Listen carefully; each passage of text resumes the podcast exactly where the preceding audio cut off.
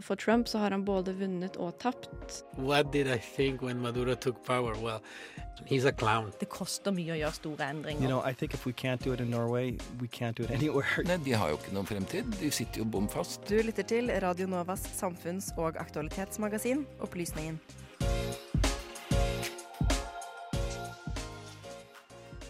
Polarisering i medielandskapet bekymrer mange. Kan Norge bli det neste offeret? To år etter Norge gikk inn i energisamarbeid med EU, hva betyr det for Norge å være med i ACER? Storbritannia innfører strenge tiltak i sin andre covid-bølge. Hvorfor ble det smittekaos? Vi skal snakke om Nobelprisen, og du skal få fem saker på fem minutter.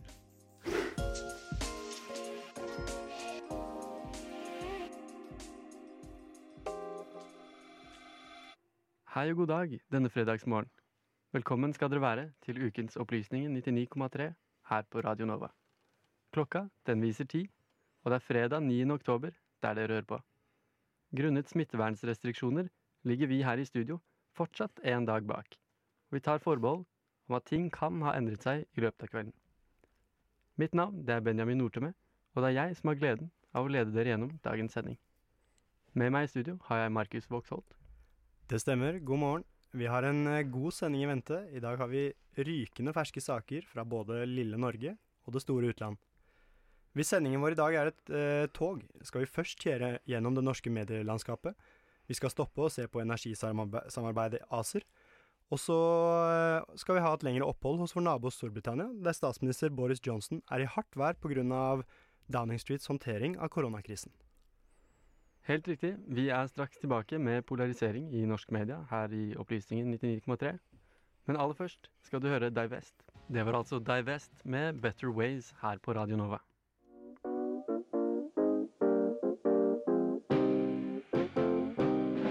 Du hører på Radio Novas samfunns- og aktualitetsmagasin Opplysningen. Hver fredag fra klokken 10 til 11 på Radio Nova. Opplysningen på Radio Nova.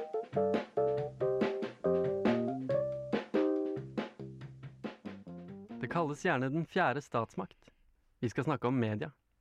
Hvert år blir alle land rangert av Reportere uten grenser i den såkalte World Press Freedom Index, en analyse av levevilkårene til den frie og selvstendige pressen rundt omkring i verden. Det stemmer, og i 2020 er det vi her i Norge som troner på førsteplassen. Vi har etter alt å dømme verdens frieste og mest eh, levedyktige presse. Likevel mener noen at det er grunn til bekymring eh, også her hjemme. Vi skal høre at nye aktører på nett utfordrer det tradisjonelle medielandskapet. Polarisering utgjør en større risiko enn før. Er det grunn til å frykte amerikanske tilstander? Vår reporter Sunny Sharma undersøker akkurat dette. Nå som vi nærmer oss valget i USA, så kan vi se at det florerer med artikler, meninger og ikke for å glemme Facebook-innlegg av engasjerte nordmenn som vil vise sin støtte til enten Joe Biden eller president Donald Trump. Det som er like sikkert som at det vil komme en dag i morgen, er at vi nordmenn er avhengig av det amerikanske valget. Og man kan se at vår interesse for amerikansk politikk smitter over til de norske mediene. Men betyr det at det norske medielandskapet har begynt å ligne på det amerikanske? Vi kan vel dra noen paralleller når vi snakker om mediedekningen, ettersom at det er stor pågang i Norge med egne valgvaker og livesendinger til langt utpå natta. Og vi kan faktisk se at det finnes flere engasjerte norske Trump- og Biden-supportere på sosiale medier. Men hvis vi sammenligner de amerikanske mediene med de norske, så finner vi én klar forskjell. Og det er tilliten til de etablerte mediene. I Norge så viser en undersøkelse gjort av Medietilsynet at åtte av ti nordmenn stoler på mediene. Sammenligner vi dette med en undersøkelse gjort av Gallup i USA, så finner vi ut at kun fire av ti amerikanere har enten delvis eller høy tillit til mediene. Det er verdt å nevne at eh, begge undersøkelsene var gjort i 2019. Men hvorfor er det slik? Jo, i de siste årene så har vi hørt mye snakk om Fake news, fake news, fake news, fake news, fake news, fake news, fake news, fake news. Ja, fake news. Etter valget i USA i 2016 fryktet flere norske medier at den samme mistilliten til mediene som rammet USA, ville påvirke oss i Norge. Men det viste seg at det gjorde det ikke. Men i kjølvannet av det amerikanske presidentvalget fikk begreper som falske nyheter og alternative fakta en oppblomstring. Samtidig fikk alternative medier som f.eks. Resett og Dokument bredt seg om i Norge. Slike redaksjoner er kjent for å ha en ståltro på at de avslører de virkelige fakta som såkalte mainstream media tilbakeholder. Oppblomstringen av disse alternative mediene har ført til at tilliten til de etablerte mediene har blitt satt på prøve, ettersom at økningen av lesere og tilhengere av alternative medier har blitt større. En undersøkelse gjort av Norsk medborgerpanel i 2018 viser at en liten andel av den norske befolkningen kan ha fått en følelse av utforskap, som kommer av at noen opplever at mediene ikke representerer deres syn. Det skal nevnes at alternative medier pleier å ha et sterkt ståsted og retorikk når det kommer til diverse meninger. På høyresiden av spekteret finner vi f.eks. Resett og Dokument, som i stor grad er islam- og innvandringskritiske. Men på venstresiden kan vi finne redaksjoner som støtter kommunisme, og ikke har så mye fint å si om kapitalismen. Men betyr oppblomstringen av disse alternative mediene at vi er på vei til å få et like polarisert medielandskap som i USA? Vel, det skal i hvert fall mye til. Flere undersøkelser gjort opp igjennom av SSB viser at nordmenn har høy tillit. Nordmenn har i hvert fall mye høyere tillit til både mediene og staten enn det amerikanerne har. Bent Høie forklarte det ganske enkelt på tirsdagens pressekonferanse når han adresserte et spørsmål om tillit til myndighetene under koronapandemien. Norge og En av våre styrker i denne situasjonen er jo at vi har en høy tillit mellom hverandre. Og vi har en høy tillit mellom befolkningen og helsemyndighetene. Det viser jo òg Helsedirektoratet sine jevnlige målinger. Reporter der var altså Sunny Sharma. Polarisering i media er utvilsomt et veldig spennende tema. Nå skal vi straks videre til ACER-samarbeidet, men først får vi en nydelig låt. Her er Tape Trash. Du hørte Oslo-baserte Tape Trash med Over. Du hører på Opplysningen Opplysningen. Opplysningen. Opplysningen. Opplysningen Opplysningen. hver fredag mellom klokken 10 og 11 På Radio Nova!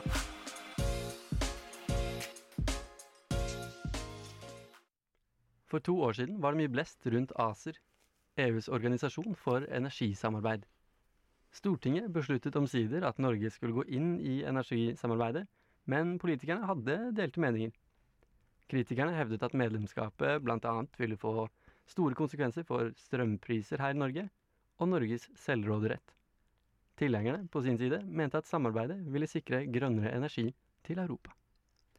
Ja, jeg må faktisk si jeg har glemt den striden litt, jeg. Men den høres jo såpass viktig ut at eh, det er noe som kanskje burde diskuteres eh, offentlig. Ja, vår reporter Dagny har tatt et lite tilbakeblikk på hva ACER-avtalen egentlig er, og hvordan den vil påvirke oss her i Norge. Hva var nå ACER igjen? European Union Agency for the Cooperation of Energy Regulation, eller ACER, er altså et EU-byrå for samarbeid mellom energiregulerende myndigheter i Den europeiske union. Dette handler kort og godt om integrering av elektrisitet og naturgass innen EU. Målet med den økte integreringen er å gjøre det mulig for et land å handle fornybart når etterspørselen er høyere enn landets egne energiproduksjon, og vice versa.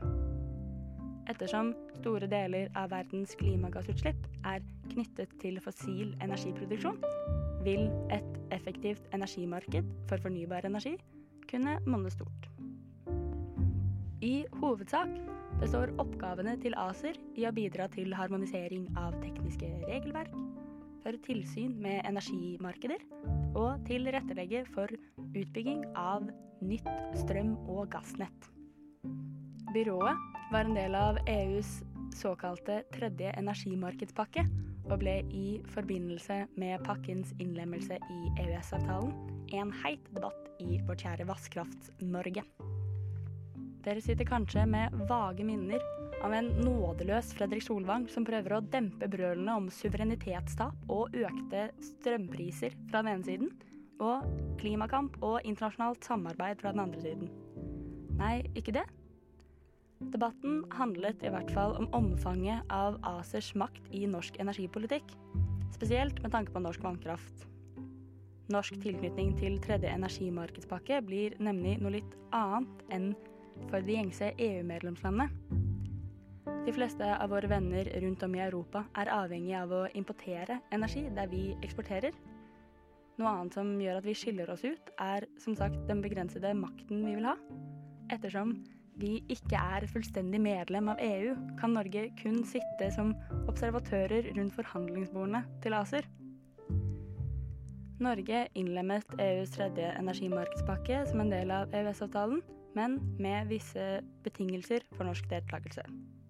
Det er viktig, fordi det er i denne delen av prosessen, når avtalen inngås, at vi har noe vi skulle sagt. Desto flere betingelser, desto mer kontroll har vi over hvordan resultatet av samarbeidet om energi i Europa til slutt vil bli seende ut. Den norske konklusjonen ble da altså noe som dette. Vi vil være med, men på egne premisser og uten å miste for mye myndighet. Vi vil være gode på klima og på å kutte utslipp, og det er EU ledende på i verden. EU-byråkrati, slik som ACER, er ganske tørt. Men det er en viktig del av det europeiske klimasamarbeidet. Ved årsskiftet adopterte Europakommisjonen en ny klima- og miljøstrategi kalt The European Green Deal. Her blir ACERs reguleringsmyndighet viktig for at målene i strategien, som sikter på å gjøre Europa klimanøytralt innen 2050, skal kunne gjennomføres. For å nå et slikt ambisiøst mål innebærer EUs nå fjerde energimarkedspakke en ytterligere utvidelse av ACERs mandat. I Norge er fjerde energimarkedspakke ikke ennå godkjent av Stortinget, så vi får se om Stortinget har endret mening om europeisk klimasamarbeid. Det var reporter Dagny Sand Hårberg, det der. Så gjenstår det bare å se, da. Vil ACER gagne både oss og Europa? Det får tiden vise. Det vi iallfall vet, er at eh, på Radio Nova får du alltid den ferskeste og beste musikken. Og nå skal du høre noen sjelfulle neo-soul-toner fra Bergen. Her er Atari. Det var altså Atari med Forget Me du hørte der. God dag og god fredag.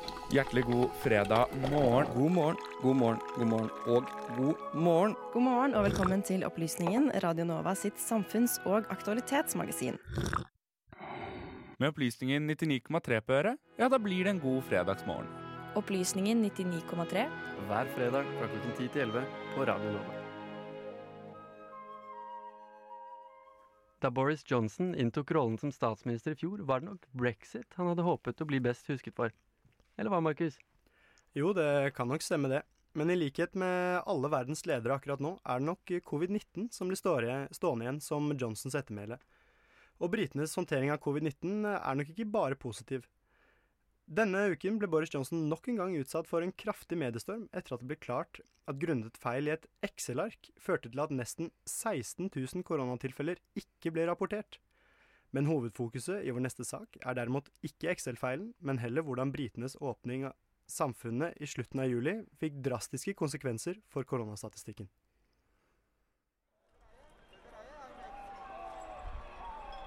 Det er en varm sommernatt i London 5. juli. Klokken er litt over tolv, og vi befinner oss i Soho, ganske sentralt i den britiske hovedstaden.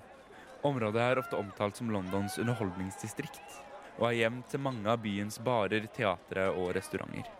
Mens det i andre deler av byen er relativt stille akkurat denne kvelden, er Soho langt ifra blottet for uteliv.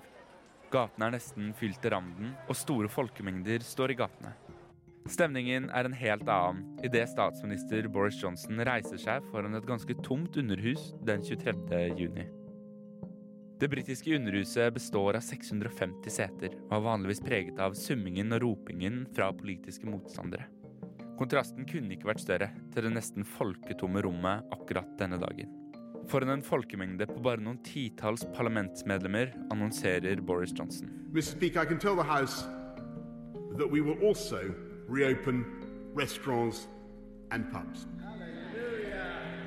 På tross av inntrykket vi får av den dempede responsen fra de oppmøtte denne dagen, er dette et vendepunkt i det britiske samfunnet. Fire måneder tidligere sto den samme Johnson i statsministerboligen 10 Downing Street og holdt en pressekonferanse som ville endre praksis for mange briter fremover. We are collectively telling, telling cafes, pubs, bars, and restaurants to close tonight as soon as they reasonably can and not to open tomorrow. We're also telling nightclubs, theatres, cinemas, gyms, and leisure centres to close on the same uh, timescale. Johnson kunne altså i juni la puber, restauranter og andre hospitalities, eller servicetjenester, åpne dørene etter en fire måneder lang lockdown.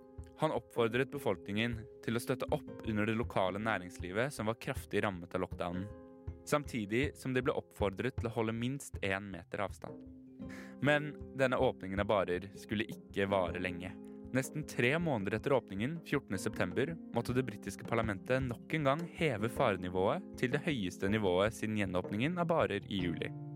Dette skyldtes at britene nå opplevde en kraftig økning i smittetallene, og begynte å nærme seg et nivå tilsvarende det i mars.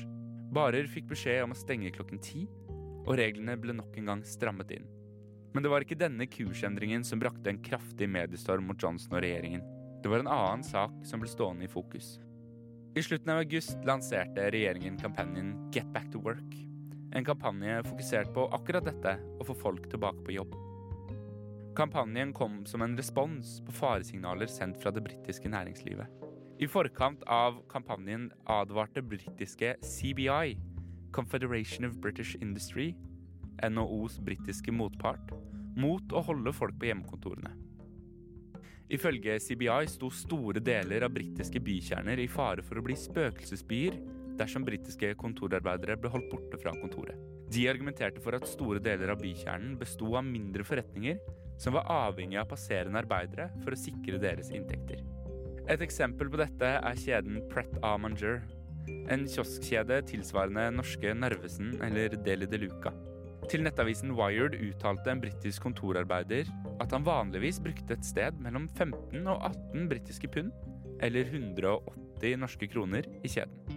Dette viser trenden i det britiske selskapet, som før koronatiden besto av over 400 filialer, 300 av disse i London, og solgte rundt 1,4 millioner kopper kaffe hvert år. Pandemien endret dette drastisk, og i slutten av august meldte Pret Amanger om at de måtte kutte nesten 3000 stillinger og stenge opp mot 30 filialer som en konsekvens av de tapte inntektene. Signalene som kom fra Pret Amanger og andre små kafeer og kiosker, la et enormt press på britiske myndigheter om å få folk tilbake på kontorene, og førte til Get Back to Work-kampanjen. I slutten av september måtte derimot myndighetene skrote ideen i det som blir omtalt som en kraftig U-sving. Michael Gove, en sentral politiker i det konservative partiet, uttalte til avisen Mirror at regjeringen nå måtte gjennomføre en drastisk endring av fokus, og heller fokusere på å la arbeiderne jobbe hjemmefra der det var mulig, for å forhindre spredningen av koronaviruset. And while we remain vigilant, we do not believe there is currently, currently, a risk of a second peak of infections that might overwhelm the NHS. We no longer face a virus spreading exponentially, though it remains in general circulation. Johnsons uttalelse foran det tomme Underhuset 23.6 viste at det var bare akkurat da at det var liten frykt for ny smitteøkning som ville ramme det offentlige helsesystemet. Nå står Storbritannia overfor en massiv smittebølge med nærmere 10 000 nye tilfeller på en daglig basis. Dette er over dobbelt så mange som da britene var verst rammet i mars. Og mens fremtiden til britiske puber, barer, kontorer og kolonialforretninger er mildt sagt usikker, er én ting klart. Boris Johnsons håp den 23. juni om at situasjonen fremover ville være under kontroll, har forfalt. Du hørte reporter Sander Zakaria der. Lyden i innslaget var hentet fra House of Commons og 10 Downing Street. Du skal høre en låt fra Shibuya-distriktet i Tokyo. Her er Clang Ruler med Icon. Du hørte Clang Ruler med Icon da vi tok deg til Tokyo her på Radio Nova. Etterfulgt av Thomas og tvilerne. Herr Paulsen er en slagen mann. Men det som også er rystende, er på en måte at hvor mye av det som i 2011-2012 opplevdes som helt vanvittig, det er liksom gått inn i et slags sånn politisk hverdagsspråk nå. Veldig mange av de holdningene. Radio Novas samfunns- og aktualitetsmagasin gir deg historiene, sakene og debattene andre overser. Aldri redd, alltid balansert. Ja, Markus. Om noen få timer, eller i morgen for oss i studio, får vi vite hvem som vinner årets eh, Nobels fredspris. Og i fjor var vi jo på Nobelinstituttet for å få med oss da Berit Reiss-Andersen gikk ut den store brune døra på Nobelinstituttet. Men i år er vi jo litt for tidlig ute til å kunne være til stede på annonseringen.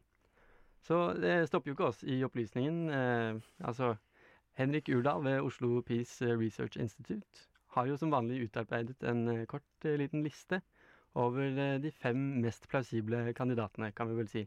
Og hvem er det den første Urdal trekker frem, Markus? Jo, eh, fredsprisen har jo tidligere aldri blitt eh, delt ut til noen journalister, til tross for at eh, mange anser journalistyrket som et av de farligste.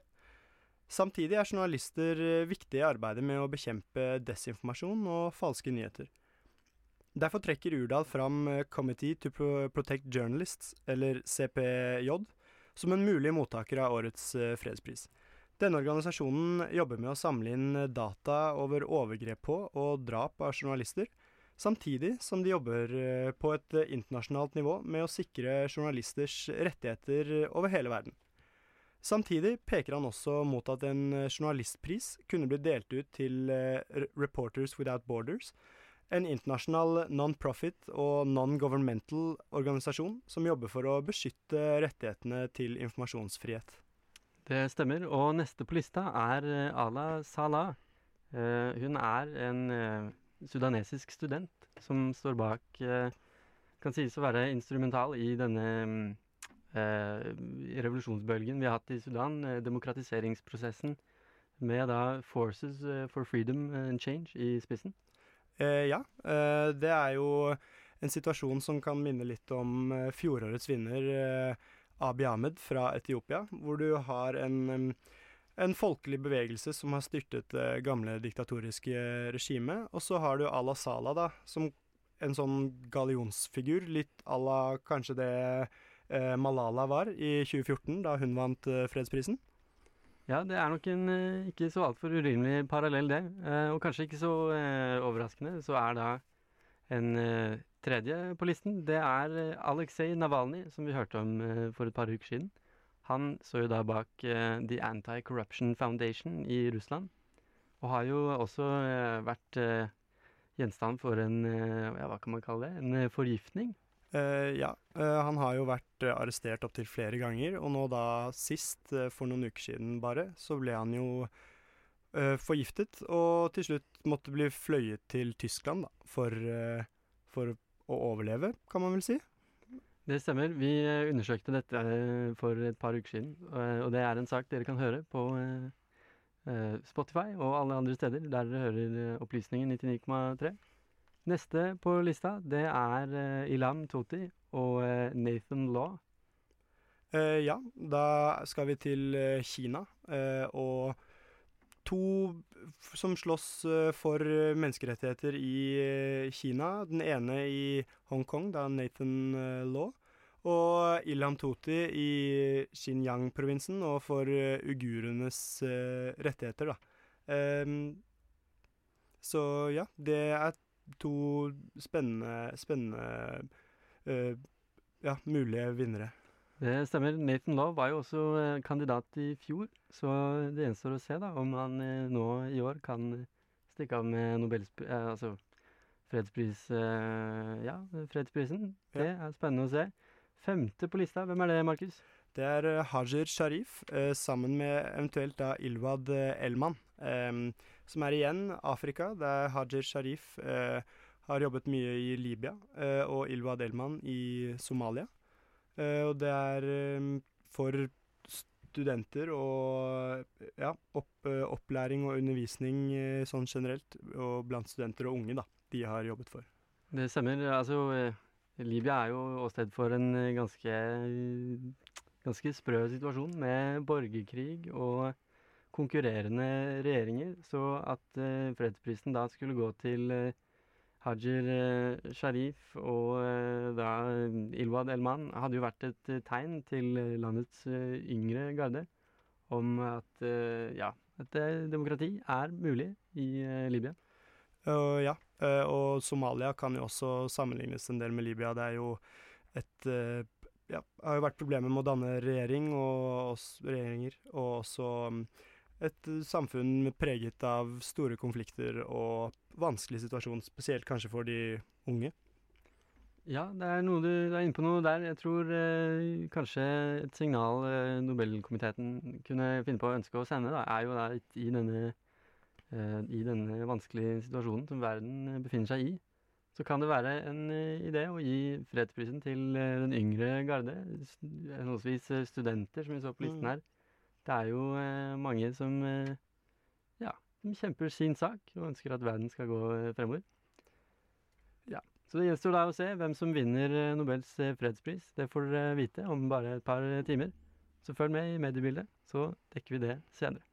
Kill-døden med sprida kjærleik, inte sprida hat. Det er kanskje Nobelkomiteens budskap, det.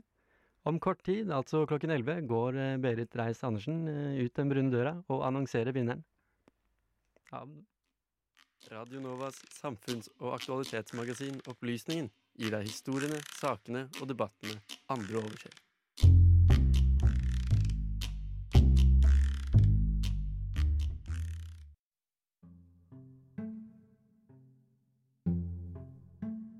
Hver uke tar vi opplysningen for oss fem saker på fem minutter. Tidligere denne uka ble nobelprisvinnerne i de vitenskapelige disiplinene annonsert på løpende bånd. Og i ukas Fem på fem skal vi gå gjennom hvilke gjennombrudd de svenske nobelkomiteene mener har vært de viktigste å fremheve i år. Emmanuel Charpentier og Jennifer Doudna deler årets nobelpris i kjemi for sitt arbeid med DNA og genmodifisering. Helt spesifikt får de prisen for utviklingen av genmodifisering ved bruk av Clustered Regularly Interspaced Short Palindromic Repeats, en tidligere ukjent sekvens i DNA-et. Sekvensen er bedre kjent under den noe mer fengende forkortelsen CRISPR. Enkelt forklart lar denne metoden deg gå inn i DNA og klippe ut og lime inn de genene man vil ha, og de man ikke vil ha. Oppdagelsen ble gjort så tidlig som i 2012, og har allerede de siste åtte årene revolusjonert genteknologien. Både i medisinsk bruk og i matproduksjon. Forskere tror at det i nær framtid vil være mulig å bruke metoden til å kurere arvede sykdommer, f.eks. øye- og muskelsykdommer, og man har allerede utviklet korntyper som tåler kraftig tørke, og ris som ikke tar opp tungmetaller fra jorda. Og noe nytt har også nobelprisvinnerne i Vendesin fremskaffet. De har nemlig gått videre i hepatittalfabetet, der du kanskje allerede kjenner A og B, og definert hepatitt C. Vinnerne Harvey J. Alter, Michael Houghton og Charles M. Rice har gjort fremskritt i identifiseringen av hepatitt C, som igjen gjør det mulig å utvikle blodprøver og medisiner mot dette hepatittviruset. Hepatitt C hjelper også å oppklare i mørketallene omkring hepatittilfeller i blod som ikke var hepatitt A eller B. Oppsummeringen til Det Karolinska institutt lyder Årets nobelpris blir tildelt til tre forskere som har gjort en avgjørende innsats i kampen mot blodbåren hepatitt, et globalt helseproblem som forårsaker skrumpelever og leverkreft over hele verden. Delt er også årets nobelpris i fysikk. Roger Penrose, Reinhard Gensel og Andrea Gees deler prisen for sitt langvarige arbeid med å forstå og forklare eksistensen til sorte hull. Allerede i 1964 begynte Penrose sitt arbeid med å utforme en teori om sorte hull. Et fenomen til og med Einstein ikke hadde trodd kunne eksistere. Man har etter hvert funnet ut at gravitasjonen i sorte hull er så sterk at i sentrum av dem vil til og med tiden opphøre. Ettersom teorien ble utformet, har man etter hvert også fått den bekreftet av eksperimentelle forsøk. Det er her Gensel og Gees har vært banebrytende. Ved å undersøke lys fra stjerner, og bl.a. hvor lang tid de bruker på å gå en runde rundt galaksen vår, Melkeveien, har de kunnet slå fast at det i midten av galaksen er et sort hull, og at det tilsvarer massen av fire millioner av vår egen sol. De svenske nobelkomiteene har gjort sine valg, og det amerikanske folk må gjøre et valg om under en måned. Natt til torsdag møttes visepresident Mike Pence og hun som ønsker jobben hans, demokratenes Kamala Harris, til debatt. I kontrast til tidligere valg har visepresidentdebatten fått en del oppmerksomhet. Flere kommentatorer og journalister har laget et poeng ut av at både Joe Biden og Donald Trump er temmelig gamle selv for presidentvervet, og at koronapandemien i stor grad er fatal i møte med eldre mennesker. Derfor er det stor interesse knyttet rundt visepresidentkandidatene, for en gangs skyld. Amerikanske NPR forteller at denne debatten minnet mer om en debatt enn presidentdebatten, men at få spørsmål ble ordentlig besvart. Denne debatten kan også ses på som en slags innblikk inn i de forskjellige leiernes strategier, da Pence pekte på Harris og Biden som ekstreme liberale, mens Harris pekte på Trumps håndtering av koronaviruset. Fra USA skal vi videre til den arabiske halvøy, opprinnelsesstedet til araberhesten. Men det er ikke en hestehandel i ordets rette forstand vi nå skal se på. I januar 2019 fjernet Netflix en episode av standup-komikeren Hassan Minaj sitt show Patriot Act fra katalogen sin i Saudi-Arabia. I episoden gjør Minaj narr av og kritiserer kronprins Mohammed bin Salman for hans rolle i det brutale drapet på journalist Jamal Khashoggi i 2018. På dette tidspunktet ble det sagt at episoden ble fjernet etter en gyldig, lovlig forespørsel, ettersom Saudi-Arabia mente episoden brøt med lovene mot cyberkriminalitet. I slutten av forrige måned kom det derimot fram at sensureringen av episoden inngikk i en avtale mellom Netflix og landets regjering om å fjerne den satiriske episoden mot at Netflix får vise egenproduserte serier og filmer som Queer Eye, Sex Education, Orange is the New Black og mye omtalte Cuties, filmen som har blitt delvis kritisert over hele verden for seksualisering av unge jenter. Reed Hastings, CEO i Netflix, forsvarer seg med at avtalen har åpnet for at mange andre sosialt kontroversielle serier blir tilgjengelige i Saudi-Arabia. Et land der homofili straffes med døden, og der kongefamiliens makt er så total at til og med statens navn bærer deres slektsnavn Saudi.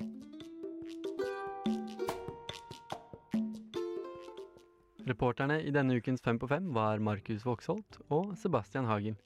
Litt eh, fransk musikk eh, står snart for tur. Du skal få høre Doria med Pas le choix.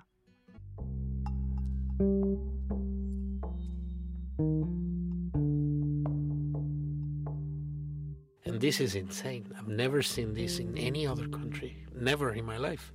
People eating from the trash, fighting about it. Eh, Når så mange er ensomme, så ligger jo på en måte ikke dette på, på individet lenger. Det ligger på systemet. Vi er i ferd med å ødelegge evnen vår eh, permanent kognitivt i hjernen til å konsentrere oss over lengre tid. Radio Novas samfunns- og aktualitetsmagasin gir deg historiene, sakene og debattene andre overser. Aldri redd, alltid balansert. Opplysningen 99,3. Mange, mange takk for at du hørte på Opplysningen 99,3. Du finner oss på Facebook, Instagram og Twitter.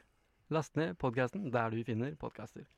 Det er valg i USA den eh, 3. november, og allerede nå kan du glede deg til Radio Novas helt egne amerikanske valgvake. Og vi lover en helaften med uavbrutt valgkampnekting. Vi har mange S i ermet, så følg eh, med på våre sosiale medier fremover. Og hold av datoen 4. november. Vi minner også om at denne sendingen er tatt opp eh, torsdag kveld, så vi tar forbehold om at enkelte ting kan ha endret seg innen du hører på. Bli på kanalen litt til, du får studentnyhetene. De har snakket om eh, Black History Month, og med det gjenstår det bare å takke for oss. Ja, medvirkende i denne sendingen var Dagny Sand Hårberg, Markus Voksholt, Sunny Sharma, Sebastian Hagel og Sander Zakaria. I studio var eh, ja, Markus Voksholt med meg. Mitt navn har vært og forblir Benjamin Nordtømme, og bak spakene har vi hatt vår tekniker Sander Zakaria. Produsent denne sendingen var Sebastian Hagel.